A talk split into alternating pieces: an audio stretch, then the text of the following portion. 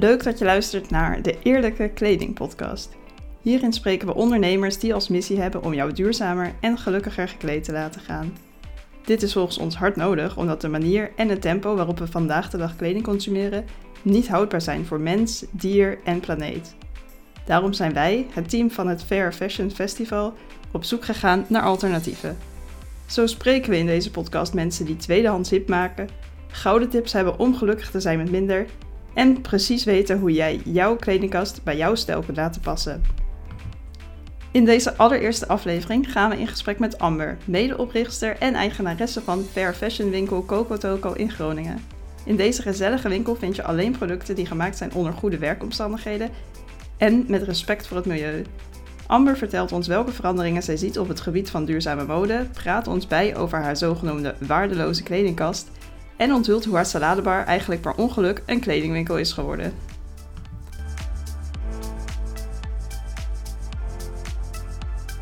Nou, welkom Amber. Kun jij kort iets vertellen over wie je bent en wat je doet? Yes, nou, ik ben dus Amber en ik heb een winkel in duurzame kleding in de Oosterstraat in Groningen. En dat heb ik nu zo'n zeven, nou, dik zeven jaar. Nou ja, alles is hier dus duurzaam, dus daarom pas ik goed in jullie podcast. Absoluut, ja. Ja, een hele mooie en vooral ook heel gezellige fair fashion winkel in Hartje Groningen. Heb je altijd al een voorliefde gehad voor mode? Of ja, kwam die droom om een eigen kledingwinkel te hebben pas later? Ja, ik weet niet of het ooit een droom geweest is. En of het een droom is, weet ik ook niet. Nee, Ehm, ik ben wel heel bewust opgevoed door mijn moeder. Uh, zij maakte heel veel kleding zelf. Um, ze verstelde alles. We aten biologisch. Dus ik kom wel uit zo'n, echt wel uit die achtergrond. En dan ga je studeren en dan laat je alles lekker los. Dus dan ga je hele andere dingen eten en drinken en dragen. En um, ik ben wel altijd, ik ben nooit een kooplustig mens geweest of zo. Dat niet. Dat ik altijd maar alles moest hebben of zo. Ik keek altijd wel heel specifiek naar wat ik wilde. En ik spaarde daar ook wel echt voor. Dus ik was wel bewust in, in het kopen. Ik vond het ook heel leuk om te kopen. dus ik had er wel wat met winkelen, dat wel. Maar het was niet dat dat nou mijn hobby was. Of dat ik mode echt helemaal... Uh, dat dat echt mijn, mijn ding is, zeg maar. Uh, maar het hebben van een eigen winkel, of het ja, zijn van ondernemer, dat past denk ik wel heel goed. Het kwam eigenlijk een beetje samen dat ik dacht van, oh, het kwam vooral bij mij eigenlijk uit het eten, dat ik bewuster ging eten en dat ik een beetje, uh, ik ben niet zo heel erg gestructureerd, ik ben vrij chaotisch van aard. Dus dan had ik heel vaak weer eens niks in, in huis, terwijl ik wel graag goed voor mezelf wilde zorgen en ook lekker wilde eten. En ik had een vriendin die uh, heel bewust kookte, dus die was echt heel bewust bezig met alle ingrediënten die ze in haar eten deed, zodat ze haar lijf echt voedt in plaats van vult. En toen dacht ik, kan jij niet gewoon voor me, gewoon kan ik niet langs jou rijden en mijn bakje laten vullen en dan heb ik weer eens wat in eten in huis, zeg maar. En dan eet ik gezond en lekker. En toen dacht ik daar zo over na, dat ik het zou zo fijn zijn als er in Groningen gewoon een plek is waar je uh, langs kan gaan, waar je dus heel bewust over je eten kan nadenken. Hoeveel eiwitten wil je? Wil je dierlijke eiwitten? Wil je plantaardige eiwitten? Nou, een beetje kan up- en downgraden waar je zin in hebt. Nou, van alles en nog wat. En daarmee ook een stukje educatie eigenlijk in je concept inbouwen. Het kwam eigenlijk een beetje neer op wat uiteindelijk Sla is gaan doen in Amsterdam. Dat was er toen nog niet. En Feel Good hier in Groningen overigens. En nu dan Ra, maar dat kwam echt pas een heel stuk later. Daar kwam het eigenlijk een beetje uit voort. Dus dat ben ik toen eerst gaan verkennen. Van, hé, hey, kan ik niet zo'n bar beginnen? Maar zonder horeca-ervaring vond ik dat wel een beetje een grote stap. Dus dat heb ik niet gedaan. Ik ben dus samen met die vriendin dat gaan onderzoeken. Want ik dacht dus, nou, dan kan zij dat misschien wel met mij gaan doen. Wil ze dat wel? Dat wilde ze ook. Dus we zijn daarmee aan de slag gegaan. Maar we hebben daar denk ik wel meer dan een jaar, anderhalf jaar... hebben daar aan voorbereidingen in gestopt. En we kwamen in die zoektocht, omdat je dan dus bezig gaat over, hé, hey, waar komen al die producten vandaan en wat doet dat met je lijf en met de wereld? Ga je gewoon wat bewuster nadenken over alles. En toen kwam daar eigenlijk in die zoektocht naar al die leveranciers en dingen, kwamen we ook gewoon ineens ja, andere producten tegen die niet echt met eten te maken hadden. En toen hebben we voor het eerst Armed Angels leren kennen, daar begonnen. En we zagen die collectie en toen dachten we, nou, dit is gewoon super toffe kleding. Waarom is dat niet? Waarom is dit niet normaal dat we gewoon goed geproduceerde dingen kopen? Want we hadden ondertussen die kledingindustrie een beetje bekeken. En toen dachten we, oei, dit is best wel serieuze, ernstige, nou ja, shizzle, zeg maar.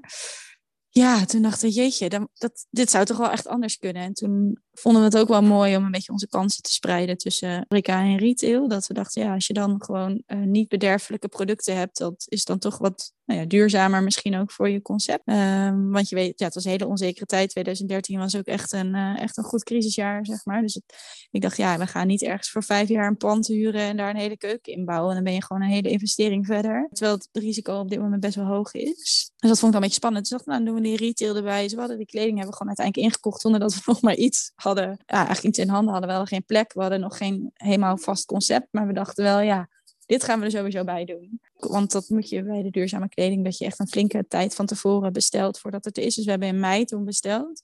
En toen we uiteindelijk in oktober, en volgens mij kwam het iets eerder al binnen, kwam het thuis dan de eerste levering kleding binnen.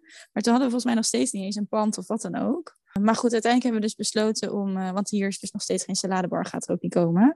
Maar uh, we hadden uiteindelijk besloten, ik dacht, het gaat gewoon niet, het gaat niet gebeuren dit alles. Dit hele plan gaat niet, komt niet van de grond. En uiteindelijk dacht ik, volgens mij komt het door die horecatak die erin zit. Als we daar nou een streep door zetten, hebben we eigenlijk gewoon een, ja, een duurzame winkel in handen. En is dat niet eigenlijk veel fijner? Dan zijn we flexibel, kunnen we overal neerstrijken, ook weer je boeltje pakken, desnoods online verder. Nou, we zijn nu zeven jaar, dik zeven jaar verder, is eindelijk een online winkel.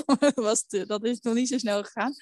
Maar um, ik dacht wel, ja, er zitten meer mogelijkheden in. Dus we hebben een streep erdoor gezet. En toen uh, hadden we eigenlijk binnen twee weken een pand. En binnen vier weken waren we geloof ik open. Ging toen super snel. Maar we hebben er wel lang over gedaan voordat we er waren. Maar uh, ja, dus dat is eigenlijk een beetje waar het vandaan komt. Ja, nogal een verandering in, uh, van de plannen inderdaad. Van saladebar ja. naar duurzame ja. kledingwinkel. Ja, en het heeft dus niks met de modehart te maken eigenlijk. Het heeft echt met die duurzame levensstijl te maken. Ja, die heb je dus wel echt van jongs af aan meegekregen.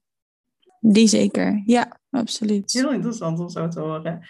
Een beetje bij toeval op je pad gekomen. Ja, eigenlijk. Maar wat was uiteindelijk de belangrijkste reden voor jou dat je dacht, ja, ik wil die, die winkel inzetten om de kledingindustrie een stukje groener en eerlijker te maken? Waarom zouden we eigenlijk allemaal fair fashion moeten kopen?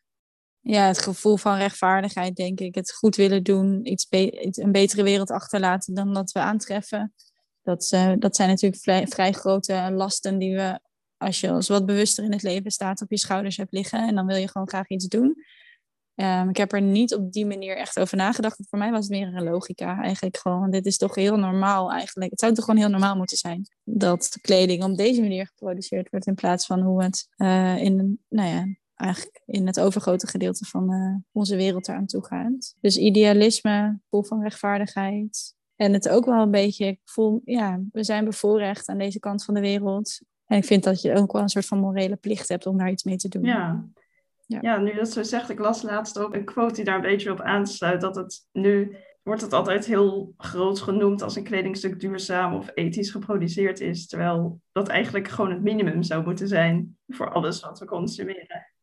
Ja, het is toch een basis eigenlijk. Het is eigenlijk belachelijk. Ik vergeet ook nooit weer, ik stond ooit een keer op Schiermonnikoog in de viswinkel. En uh, toen had ik het met mijn toenmalige vriendje, kregen we het over biologisch vlees en dat soort dingen. Nou, ik weet hoe toen waren, ik begin twintig. En toen keek een man, die luisterde zo een beetje mee en die keek me zo aan en die zei... Ja, maar het is gewoon dat de rest gewoon veel te goedkoop geworden is. Het heeft niks te maken met dat iets duur is. Het is niet duur, het is een normale prijs. Maar de rest is gewoon veel te goedkoop geworden. En dat is natuurlijk wat het, wat het ook is. Zeg maar. We zijn gaan zoeken naar uh, manieren om, maar, ja, om meer te willen uh, voor minder geld.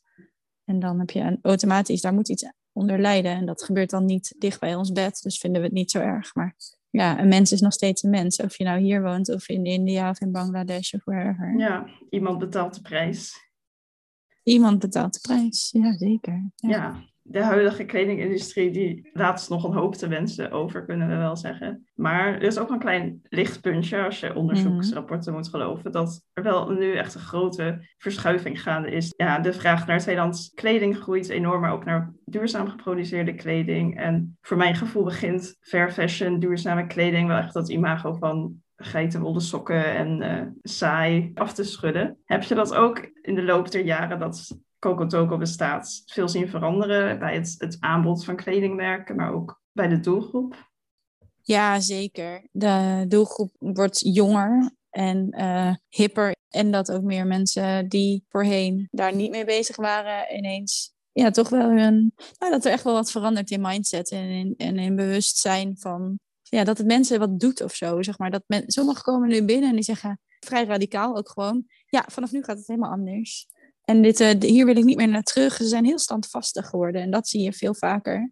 En ik zie ook wel gewoon nieuwe kopies komen. Dat is natuurlijk ook heel mooi. Ik heb natuurlijk een hele vaste, trouwe kring aan mensen. Maar ook uh, absoluut steeds vaker nieuwe mensen.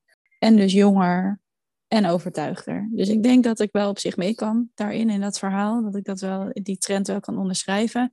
En aan de andere kant weet ik ook dat ik natuurlijk, maar ik heb maar een heel klein winkeltje. En ik zie wat dat betreft relatief heel weinig mensen. En de mensen die hier binnenkomen, komen over het algemeen dus wel met, met die overtuigingen al binnen. Dus ik ben ook wel heel erg gekleurd. Dus als ik, als ik dan de trend in de winkel afzet tegen bijvoorbeeld wat je op straat ziet in Groningen, dan, nou ja, ik weet niet hoe, hoe dat zich verhoudt, zeg maar. Maar uh, ik zie in de winkel, op de winkelvloer absoluut wel verandering, ja. Dus ja, het is moeilijk altijd te zeggen hoe dat zich verhoudt tot wat er in andere kledingwinkels gebeurt natuurlijk. Ja, klopt. Daar gebeurt nog steeds heel veel. er wordt nog steeds heel veel verkocht. ja. ja, weet ik ook niet. Ik duik nooit zo in dat soort cijfers, want ik heb er zo weinig aan, denk ik altijd. Maar ja, snap ik. Soms word je alleen maar treuriger van alle informatie die je daarmee krijgt. En denk ik, ja, dient dat mij of dient dat mij niet? Maar goed, soms stookt het je vuurtje natuurlijk ook op. Je denkt, ja, hallo, joe, we hebben nog meer reden om uh, te doen wat we doen. Ja. Ja, ja, dat zeker. Um, je noemde al even het merk Art Angels, dat het daar eigenlijk mee begon. Ja. Dat is volgens mij ook wel een van de kledingmerken die al, uh, ja, zich al vrij, vrij, vroeg vestigde als een hip, maar duurzaam en eerlijk merk. Mm -hmm. Ik vraag me verder af. Ik kan natuurlijk ontzettend veel kijken bij fair fashion. De materialen, of die biologisch geteeld zijn, of het onder goede werkomstandigheden is geproduceerd. Vaak ook wel of het diervriendelijk is, of het goed te recyclen is. Hoe vind jij je weg hierin als je kleding kiest voor in de winkel? Aan welke eisen moet het voldoen voordat het bij je in de rekken kan hangen? Uh, sowieso de natuurlijke materialen. En als het inderdaad uh, niet natuurlijk is, dan wel gerecycled. Nee, we hebben hier bijvoorbeeld uh, jassen van gerecycled pet. Nee, dat is gewoon dat is eigenlijk hartstikke mooi dat we daar weer een product van kunnen maken die, we, die ons beschermt nou ja, tegen dan regen en wind. Ik vind het, blijf dat nog wel altijd een beetje lastig vinden, omdat het natuurlijk dus wel weer, want je hebt dan nog weer het stuk afbreekbaar. Ja, in hoeverre is dat het dan? Uh, maar het feit dat het helemaal gerecycled is, dan moet er absoluut bij komen dat het onder eerlijke omstandigheden is. Maar dat kan hier eigenlijk sowieso niet anders. Uh, want ik zou hier, ja, ik durf met 99% zekerheid wel te zeggen dat hier echt niks hangt, waardoor je daaraan zou moeten twijfelen. Voor de rest, ik vind het het fijnste als er. Ik heb nog steeds heel veel katoen hier. Dat is wel een dingetje, vind ik. Ik vind het dus het fijnste als materialen uh, gedeeltelijk uit katoen, dat het mengs, ja, mixen zijn. Uh, juist omdat katoen natuurlijk nog steeds ook een enorme belasting is qua water en dat soort dingen voor onze planeet. Uh, daarnaast is het wel weer gewoon heel fijn om te dragen. En je ziet dat heel veel collecties nog steeds heel veel gebruik daarvan maken. Maar goed, je ziet, daar zie ik trouwens ook echt veranderingen in trouwens. Als je, als je het hebt over veranderingen eh, van de afgelopen jaren, dan zijn er heel veel nieuwe materialen bijgekomen, wat echt top is. Want dat zijn veel meer, uh, veel duurzamere processen voor onze aarde. Dus dat is hartstikke mooi en dat mag voor mij lekker doorgaan. Dus daar let ik op. Vraag natuurlijk aan de merken zelf van wat ze allemaal uh, hoe ze waarborgen wat ze vertellen te doen. Alsnog blijft gewoon, je kan niet zelf naar die fabrieken toe. Dus ik ben daar nog steeds niet bij. Ik kies alleen voor merken, of nee, voor merken die in oorsprong. Uh, dat ze zijn ontstaan uit de wens om, uh, om een schonere kledingindustrie te, en een gelukkigere kledingindustrie te supporten of juist te creëren. waarbij het welzijn van aarde, van mensen, van dieren altijd topprioriteit is. Dus op het moment dat zij dan op een kruispunt komen te staan, want ze hebben allemaal beslissingen te nemen, net als ik. En jij je hebt altijd beslissingen te nemen waarin, uh, waarin het allerbeste om te doen soms niet het allermakkelijkste is. En je soms, of soms zelfs om het allerbeste te bereiken, je eerst nog een ander routetje moet lopen. Maar ik ga er dus vanuit dat merken die dus ontstaan zijn vanuit de wens het, het beter te willen doen, ook op die momenten de juiste beslissingen nemen en de, en de baten en de lasten in hun geweten goed weten af te wegen. Dus dat is, uh, dat is een hele belangrijke voor mij. Ik denk er ook wel eens over na. Er zijn natuurlijk ook heel veel merken die langzaamaan verduurzamen. En dat vind ik ook, dat dat ook podium moet hebben. En dat dat ook absoluut gestimuleerd moet worden. Maar dan, dan denk ik, dan past dat misschien beter nog in een iets meer mainstream winkel... dan in een winkel die zo, zo'n sterk idealistisch hart heeft als wij hier ja, ik weet niet. Ik wil gewoon dat, mijn, dat iedereen die hier binnen stapt gewoon kan vertrouwen op, op, op de merken en het proces van de kleding. Dus ik wil daar eigenlijk geen concessies in doen. Nee, doe ik niet. Nee, precies. Ja, het is natuurlijk zo vaak lastig nu om precies te weten hoe duurzaam is iets nou echt. Vooral bij ja. Ook voor mij, ja. Ja, ook bij veel collecties van meer reguliere merken die wel hun best willen doen, maar het is altijd lastig om te zeggen, gebeurt er echt veel iets beters of is het marketing? Ja. Lijkt me lastig inderdaad om je weg daarin te vinden, zowel als consument als voor jou die je voor die keuze staat om te kijken wat je in je winkel wilt verkopen. Klopt, en het is ook zo, weet je, je wil ook juist, want alles wat duurzamer is, verdient uh, aandacht en verdient uh, de mogelijkheid om gekocht te worden. Zo, ja, als we het hebben over, over duurzame retail en mode. Uh, net als zo'n H&M denk ik, ja, zo'n conscience collection, daar kun je van alles van vinden. Maar het feit dat H&M het doet en al produceert H&M 10% van hun totaal duurzaam, dan is dat nog, heeft dat alsnog meer impact dan al mijn, alle, maar al mijn, maar alle duurzame merken ongeveer bij elkaar voor elkaar krijgen. Dus het, is, blijft natuurlijk gewoon zo... Het is zo'n enorm groot probleem eigenlijk. Ja, dus, uh, maar goed, voor hier in de winkel geldt gewoon dat als je binnenkomt, dat je gewoon vanuit kan gaan dat de merken die hier hangen, de kleding die hier hangt, vanuit datzelfde idealistische hart is als dat uh, ik dat uh, als ik deze winkel ben begonnen. Ja, dat lijkt me inderdaad heel fijn om te weten. Gewoon als, als klant voel je dat ook wel een beetje in jullie winkel, heb ik het idee dat je ziet dat het, dat het met zorg is geselecteerd. Ja, dat is fijn. Ja, nee, volgens mij denk ook inderdaad dat dat wat je ook al zei, het is ook een gezellige winkel. We zijn hier dus niet, dat idealistische hart klopt hier niet uh, om mensen, uh, hoe heet dat, uh, nou ja, tot de verantwoording te roepen, maar juist heel erg te stimuleren en te inspireren. En nou ja. Ja, het zijn zeker geen makkelijke tijden nu voor de detailhandel. Maar desondanks vind ik dat jullie ontzettend optimistisch blijven. Ik zie jullie wel voorbij komen op Instagram bijvoorbeeld en op jullie websites is ook te lezen Never Waste a Good Crisis. En je noemde al even dat eigenlijk nu die webshop ook van de grond is gekomen. Ja, ja wat een feestje. oh, ja, hartstikke leuk. Ja, dat is echt top. Ja. Ja, verwacht je dat door deze huidige coronacrisis ook voor de fair fashion sector veel verandert? Ik hoop in goede zin, zeker. Mijn merken blijven allemaal leveren, dus uh, ze hebben wel uh, iedereen aan het werk gehouden. En de collecties zijn gewoon gekomen. Ik zie dat, dat sommige merken ervoor kiezen om. Want eigenlijk komt het spannende stuk voor hun nu pas natuurlijk. Want ze hebben nu weer nieuwe collecties te produceren. En ja, iedereen zal nu wel wat, wat minder ingekocht hebben. Of wat onzekerder zijn. En vragen gewoon meer flexibiliteit natuurlijk. Dat hebben wij ook gedaan. Hebben we ook nodig. Um, en ergens moet het rekken. Het moet rekken. Het, ja, de rek die wij nodig hebben in het einde van de keten moet beginnen bij begin natuurlijk. Uiteindelijk wordt, of nou niet beginnen, maar het, het, het voert terug naar het begin. Dus langzaamaan krijgen alle schakels in die ketens die hebben gewoon te rekken. Ja, ik denk dat die effecten nog eventjes op zich laten wachten. Het gaat natuurlijk langzamer dan bij een uh, fast fashion. Die kunnen veel sneller zeggen, uh, we stoppen. Of, uh, en dan liggen de problemen veel eerder al bij de, bij de eerste schakels. In dit geval duurt dat gewoon nog veel langer. Dus die effecten die zullen nog wel eventjes op zich laten wachten. Maar ik zie dus wel dat merken bijvoorbeeld ervoor kiezen om kleuren langer door te laten lopen. Of in nieuwe collecties te gebruiken. Zodat als wij hier in de winkel dingen niet verkocht hebben gekregen, dat het dan weer past bij de nieuwe collecties die komen, zodat we ze makkelijk weer er terug kunnen voegen. En dat het niet opvalt dat er ineens weer een uh, heel nieuw kleurenbeeld ontstaat, waardoor je dan met dat ene blauwe t-shirtje geen kam meer op kan.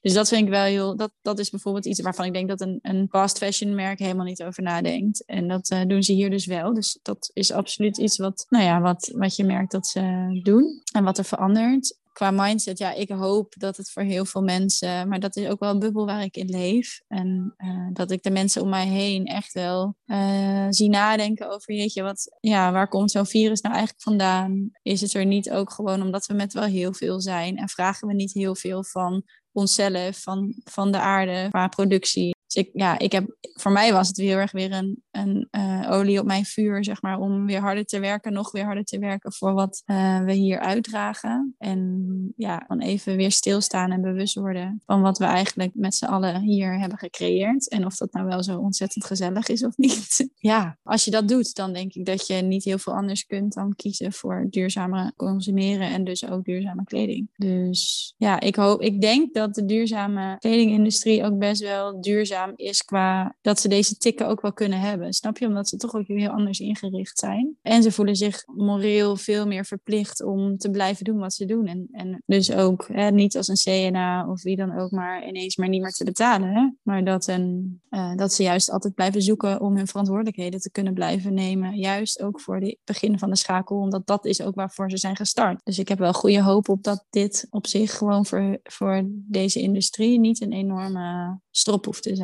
Nee, precies. Misschien omdat juist nu gewoon veel meer aan het licht komt wat, wat de fouten zijn in het fast fashion systeem zoals we dat hiervoor eigenlijk kenden. Zeker. Ja, en als dan aan deze kant, van onze kant, aan de, aan de consumerende kant, dan het bewustwording uh, dat, dat, dat dat groeit, dan hebben we toch eigenlijk gewoon bijna een win-win situatie als, als de merken en de, deze ketens zeg maar in staat zijn om de boel overeind te houden. En als wij aan deze kant denken, hoppa, gas erop en consumeren die hap, dan hebben we eigenlijk gewoon een hele mooie, ja, kun je er eigenlijk een enorm voordeel uit halen. Dus never waste a good crisis. Ik hoop dat we dat met elkaar op deze manier ook kunnen doen. Want daar geloof ik heel erg in. Dat je juist in dit soort tijden de mogelijkheden ook... Uh, je ziet de zwakheden van je onderneming of van jezelf als mens. Of uh, nou ja, gewoon de dingen waar je eventjes niet zo lekker mee uit voeten kunt. op het moment dat je dan in staat bent om daar wat uh, aan te doen. En ook nou ja, je denkt van, hé, hey, maar als ik dat nu zo duidelijk merk, dan wil ik daar heel graag wat aan doen. Dan kun je niet heel veel anders dan gas geven. En uh, nou ja, dan is het juist een mooie rijke tijd. Ja, absoluut. En wat zou je mensen aanraden die nu inderdaad dat, dat besef krijgen van oké, ik wil het anders aanpakken? Behalve jouw winkel bezoeken natuurlijk. En dat mag altijd. Ik zou eerst zeggen, kom gewoon eerst eens langs. Ja, ik bedoel, als we het nu even daarover hebben, maar kom gewoon eens langs om überhaupt gewoon eens te kijken en je te verdiepen. Vooral educatie. Ik denk dat dat heel belangrijk is. Op het moment dat je meer weet, dan kun je, dan, je kunt het niet meer niet weten, zeg maar. Je weet het of je weet het niet. Maar zodra je het weet, weet je het. En dan heb je, ja, dan, ja, dan denk ik dat je toch ook wel, nou ja, dat, dat je dat niet zo snel meer naast je neerlegt. En dat je dan dus wel, het gaat uiteindelijk gaat het een beetje kriebelen. Dat je denkt, ah, dit klopt toch echt niet. En hoe meer informatie je hebt en hoe makkelijker je de connecting the dots doet, zeg maar, hoe makkelijker dat de puzzel een beetje in elkaar valt, hoe, hoe sterker je overtuigd raakt van de keuzes die je maakt. Het is makkelijker kiezen op het moment dat je gewoon goed goed geïnformeerd bent. Dat is wat het is. Ja, dus ik zou zeggen, start daarmee. Boeken lezen, artikelen opzoeken. Er zijn genoeg documentaires over. Ik vind nog steeds de True Cost voor mensen die echt nog helemaal nieuw zijn, nog steeds een hele goede. Daar zit alles in, er zit heel veel informatie in. Er zit ook echt even een goed shock-effect in. Een rauwe, rauwe, heldere beelden, mooie vergelijken. En uh, ja, ik denk dat dat nog steeds een, eh, een goede start is. Ondanks dat die documentaire natuurlijk ondertussen al wel door heel veel mensen gezien is, hoop ik. maar, uh, Alsnog moet iedereen inderdaad, doet iedereen er goed aan om, om uh, die te bekijken. Ja, absoluut. Zeker. Ja. En uh, voor Coco Toco zelf, heb je nog een bepaalde toekomstdroom?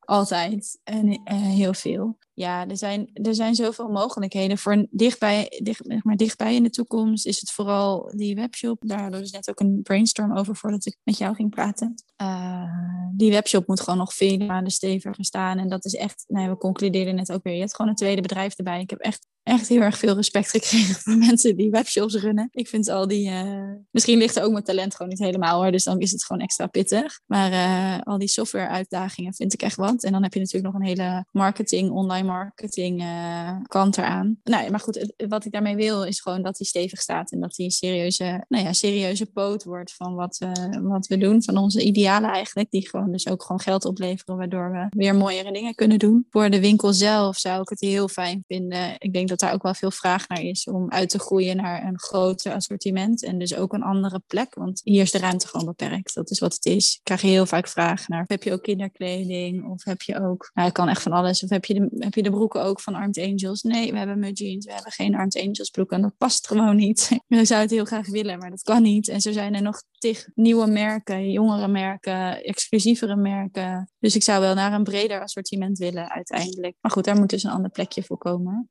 En wat ik heel mooi zou vinden, als we kunnen uitgroeien naar een plek waar ik niet zelf meer onderneem, maar waar met meerdere mensen ondernemen. Dat zou helemaal mooi zijn. Ik weet niet, uh, daar hadden we het jaren geleden al over. En dat moet gewoon een keertje ontstaan of niet. Ja, want ik denk meer vloer op een vlak en in mijn eentje dat runnen, dat is niet echt wat ik, dat is niet mijn ambitie, zeg maar. Mijn ambitie ligt echt nou ja, met het verwezenlijken van meer impact in plaats van dat ik een grotere winkel sta te runnen. Dat is niet wat ik, of, wat ik wil. ja, als je meer impact wil maken, is meer oppervlak bijvoorbeeld wel, ja, meer oppervlakte of meer, meer bereik. Uh, wel noodzakelijk, maar dat uh, hoef ik absoluut niet in mijn eentje te doen. Dat zou ik heel leuk vinden als daar meer mensen bij betrokken raken. En onze generatie is volgens mij ook eentje die impact wil maken.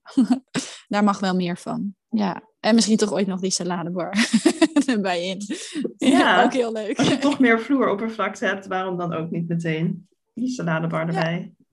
Ja, en inderdaad. Ja, en dan ook, weet je, ja, inderdaad dat. En dat je ook in huis uh, service kan bieden. Dat dingen, weet je, kom er ook zo vaak achter we zijn allemaal zo verschillend en onze lijven zijn zo verschillend. En dat je ook daar in dat assortiment nog veel meer diepgang kan aanbrengen. Doordat je gewoon dingen even, net even een koepnaadje aan kan laten leggen ergens in een shirtje, waardoor het net mooier zit. Of even de pijpen wat korter of wat langer. En dat je gewoon nog meer op het lijf kunt kleden, waardoor dingen nog veel langer meegaan. Dat zou ik ook heel vet vinden. Nou ja, dat je een soort van futuristisch hoekje hebt of zo, waar je echt nog de laatste technologieën al, of de nieuwste eigenlijk, de nieuwste technologieën in stoffen bijvoorbeeld kunt laten zien. Of nou ja, gewoon dat je meer een beetje inspiratieplek ook wordt of zo. Dat zou ik heel tof vinden. Maar goed, dat is ja, toekomst. Maar zou het wel leuk vinden. Ja, ja maar het zijn mooie dromen. En ja. zoals je zegt, het aanbod wordt steeds groter. De mindset begint te veranderen. Dus laten we hopen dat het inderdaad het ook gewoon op korte termijn mogelijk ja, is. Zeker. Van mij mag het. Ja.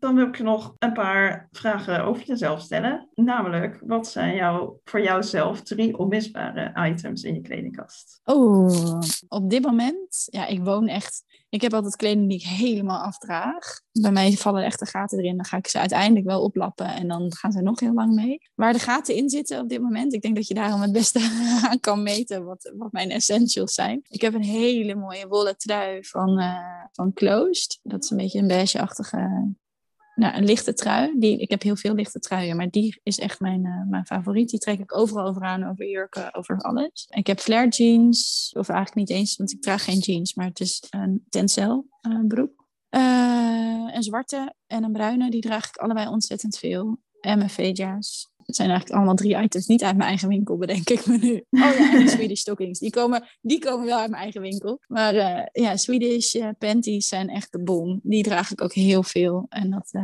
ja, dus dat eigenlijk. Ja. ja, leuk. Schoenenafdeling kan er dus ook nog bij, als we het toch over uitbreiden hebben. ja. ja, zie je, ja, dat bedoel ik maar. Ja. ja, ik had ook nog een paar duurzame dilemma's voor je voorbereid. Maar ik heb het idee dat je eigenlijk alles al bijna hebt beantwoord in dit gesprek. Wat eerlijk compleet, ja. dat goed. Heel compleet. Ik kan ze nog voorleggen. Ja, om te bevestigen of ik gelijk heb. Mm Katoen of tencel? Oh ja, ja, tencel. Ja. Ja, je noemde hem net al even inderdaad. Ja, ja, inderdaad, qua productieproces. Qua dragen uh, vind ik het ook heel fijn. Ik vind het soms lastig dat er geen, uh, vaak geen rek in zit. En in katoen zit over het algemeen toch net iets meer bewegingsruimte. Maar Tencel is uh, voor het milieu echt zo ontzettend veel beter dat ik daar met gemak antwoord op geef. Of in ieder geval gemak dat antwoord geef. Ja, duidelijk. Fairtrade geproduceerd of biologisch materiaal? Oei, oei, oei. Dat vind ik wel een lastige. Ja, aan de andere kant, ja, ik vind de omstandigheden, ik vind de mensen ja, wat vraag je eigenlijk gewoon people of planet, vraag je me nu. Um, ja, nou ja, goed, want niet biologisch geproduceerde producten. Ja, dan ga ik dan, dan dus even mijn eigen invulling ervan. Maar dan ga ik er ook vanuit dat er meteen ook uh, gifstoffen in zitten. Wat ook wel vaak zo is. Hoeft niet altijd zo te zijn. Maar dat is ook eens keer voor je eigen huid echt heel, maar voor de drager uiteindelijk heel, heel ongezond. Uh, je huid is je grootste orgaan. Dus ja, het is eigenlijk best wel handig om daar geen gifstoffen op te dragen. Dus ik vind het dilemma want je komt uiteindelijk ook weer via materiaal ook weer bij de mensen uit. Dus, uh, maar ja, ik vind eigenlijk eerlijke werkomstandigheden wel echt ja, zo ontzettend belangrijk. Dat, ik, dat er geen bloed aan kleeft. Dus ik ga toch wel gewoon voor Fairtrade. Gelukkig komen ze wel vaak. Hand in hand. Ja, inderdaad. Ja. Um, deze noemde je net ook al. Kleding jarenlang door blijven dragen tot het op de draad versleten is dus. Of nog in goede staat doorverkopen. Ja, ja nee, ik ben echt, daar ben ik echt niet van. nee. Ik heb hier trouwens wel inmiddels een, uh, een afdelingje in de winkel met uh, duurzame merken die een tweede leven krijgen daar hangt inderdaad ook bijna amper wat van mezelf tussen. Maar wel van, uh, van klanten. Dus inderdaad wel dat stukje. In de winkel uh, graag uh, gewoon goede, goede tweedehands aanleveren. en vind ik het wel super belangrijk dat die cirkel op die manier ook doordraait, zeg maar. Dat vond ik ook belangrijk om toe te voegen hier in de winkel. Ook een stukje educatie. maar voor mijn eigen kledingkast geldt inderdaad echt dat, dat de gaten erin vallen. En ja, Ja, tot op de draad versleten. Ja. Dat is ook heel duurzaam natuurlijk. Dan weet je dat je het op opgedragen hebt. Ja, de waardeloze kast, daar wil ik ooit nog iets mee met die term. Want het is natuurlijk een beetje een gekke term. Maar de waardeloze kast, zo van als je uitrekent wat en die trui die was misschien 300 euro. Maar als ik uitreken hoeveel die me kost als ik hem aantrek nu nog, dan als ik het deel door het aantal keren dat ik hem gedragen heb, nou, dan uh, is hij waardeloos. Oh, op die manier, ja. En dat is juist iets moois. Ja. Cost per wear, hoor ik dan wel eens. Juist, ja, cost per wear. Ja, is heel belangrijk om over na te denken, vind ik. Ja, absoluut. Ik dacht er laatst ook nog aan. Ik heb één roze trui ook van Armed Angels. Ik denk dat ik daar ongeveer, ja, meer dan een jaar. ik denk dat ik ongeveer vijf dagen per week die trui aan heb gehad. Dus die is ook bijna gratis voor gevoel nu.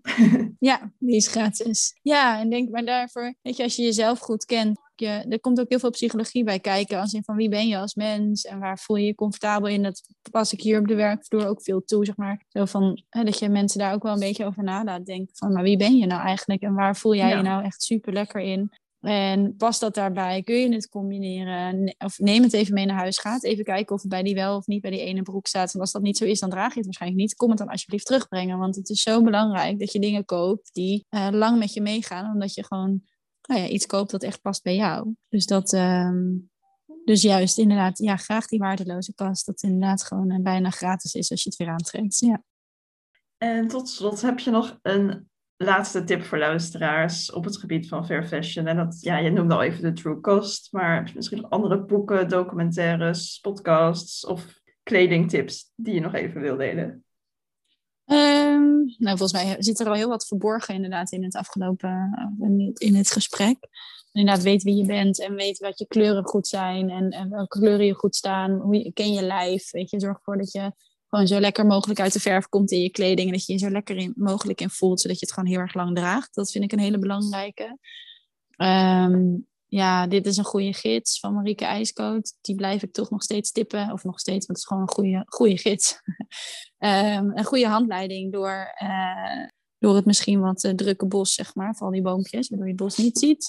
Zij zorgt ervoor dat je het bos wel ziet. En neemt je gewoon een beetje aan de hand door, eh, op een nou ja, door, door de verschillende gebieden van leven, zeg maar, in het levensstijl. Dus inderdaad van hoe ga je om met make-up, hoe ga je om met kleding, uiteraard, maar met voedsel en al dat soort dingen. Dus ik blijf dat toch nog altijd een hele goede, uh, ook een goed instappen boek vinden. Ja, voor de rest, als je niet zoveel te besteden hebt, dan gaat het om prioriteiten stellen. Daarmee bedoel ik dat je uh, heel goed op tweedehands goedkoper kleding kunt vinden. Als je wel van afwisseling houdt of van wat meer nou ja, excentriekere dingen of wat dan ook. En zorg er dan voor dat je je basisdingetjes uh, duurzaam aanschaft. Denk dat je daar hele mooie combinaties in kunt maken. En uh, ja, dat, ik vind het heel leuk aan onze winkel en aan onze straat. Dat we hier in de straat dus meerdere winkels hebben die duurzame merken verkopen. En uh, aan de andere kant zitten er ook heel veel tweedehands winkels echt vlakbij en om de hoek. Dus we hebben hier een heel mooi buurtje waarmee je eigenlijk met een duurzame mindset of een wat klein en of een wat kleinere portemonnee echt heel goed uh, uit voeten kunt ja, allemaal langskomen in de Oosterstraat. Dus. Dat sowieso, het Oosterkwartier. Ja. Ook de Gelkingenstraat heeft ook twee mooie winkels met duurzame assortiment. Ja. ja. Dankjewel voor het delen van je verhaal vandaag. Yes, graag gedaan. Bedankt voor het luisteren. Alle aanbevelingen van Amber kun je vinden in de omschrijving van deze aflevering. En ons kun je volgen op Instagram, at Fair Fashion Festival. Volgende week zijn we terug met een gloednieuwe aflevering. Graag tot dan.